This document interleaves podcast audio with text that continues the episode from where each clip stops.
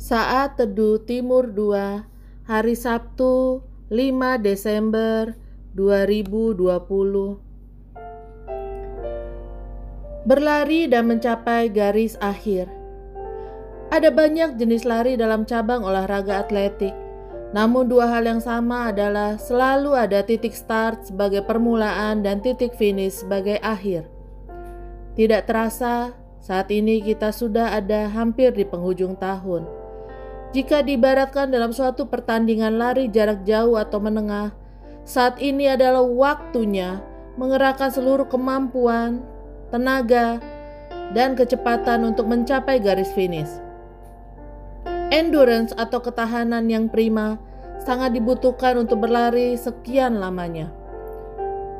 Dalam 1 Korintus 9 ayat 26 sampai 27 tertulis, "Sebab itu aku tidak berlari tanpa tujuan dan aku bukan petinju yang sembarangan saja memukul, tetapi aku melatih tubuhku dan menguasainya seluruhnya, supaya sesudah memberitakan Injil kepada orang lain, jangan aku sendiri ditolak." Dalam terjemahan bahasa Inggris, cast away atau tersingkir. Demikian juga dalam pertandingan lari maraton rohani kita. Latihan kita bukanlah secara fisik saja, namun melatih roh kita dan menguasainya. Ada banyak orang memulai berlari dengan baik, namun di pertengahan jalan seperti kehabisan tenaga dan tidak berdaya, bahkan menjelang garis finish tidak dapat melakukan sprint dengan mengeluarkan segenap tenaga yang dimilikinya. Latihan rohani dapat kita lakukan beberapa di antaranya dengan yang pertama, suka merenungkan firman Tuhan. Mazmur 1 ayat 2 tertulis, tetapi yang kesukaannya ialah Taurat Tuhan dan yang merenungkan Taurat itu siang dan malam. Kedua, dengan berjaga-jaga dan berdoa. Dalam Matius 26 ayat 41 tertulis, Berjaga-jagalah dan berdoalah supaya kamu jangan jatuh ke dalam pencobaan. Roh memang penurut tetapi daging lemah. Yang ketiga, memiliki dan bertumbuh dalam buah roh.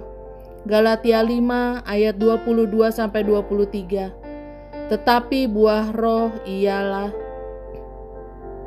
kasih, sukacita, damai sejahtera, kesabaran, kemurahan, kebaikan, kesetiaan, kelemah lembutan, penguasaan diri.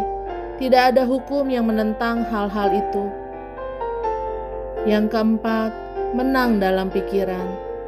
Dalam Filipi 4 ayat 8 tertulis, Jadi akhirnya, saudara-saudara, semua yang benar, semua yang mulia, semua yang adil, semua yang suci, semua yang manis, semua yang sedap didengar, semua yang disebut kebajikan dan patut dipuji. Pikirkanlah semuanya itu. Sungguh indah apabila kita menyelesaikan perlombaan kita sampai garis finish dan dengan baik serta dengan memperoleh hadiah yaitu mahkota kebenaran. Seperti tertulis dalam 2 Timotius 4 ayat 7 sampai 8. Aku telah mengakhiri pertandingan yang baik Aku telah mencapai garis akhir dan aku telah memelihara iman. Sekarang telah tersedia bagiku mahkota kebenaran yang akan dikaruniakan kepadaku oleh Tuhan, Hakim yang adil pada harinya. Tetapi bukan hanya kepadaku, melainkan juga kepada semua orang yang merindukan kedatangannya. Puji Tuhan. Saudaraku, Have a blessed weekend. Jesus bless you all. Bacaan Alkitab setahun kita pada hari ke-339 diambil dari Filipi 1 ayat 4. Puji Tuhan. Selamat menikmati hari ini. Tuhan Yesus memberkati. Shalom.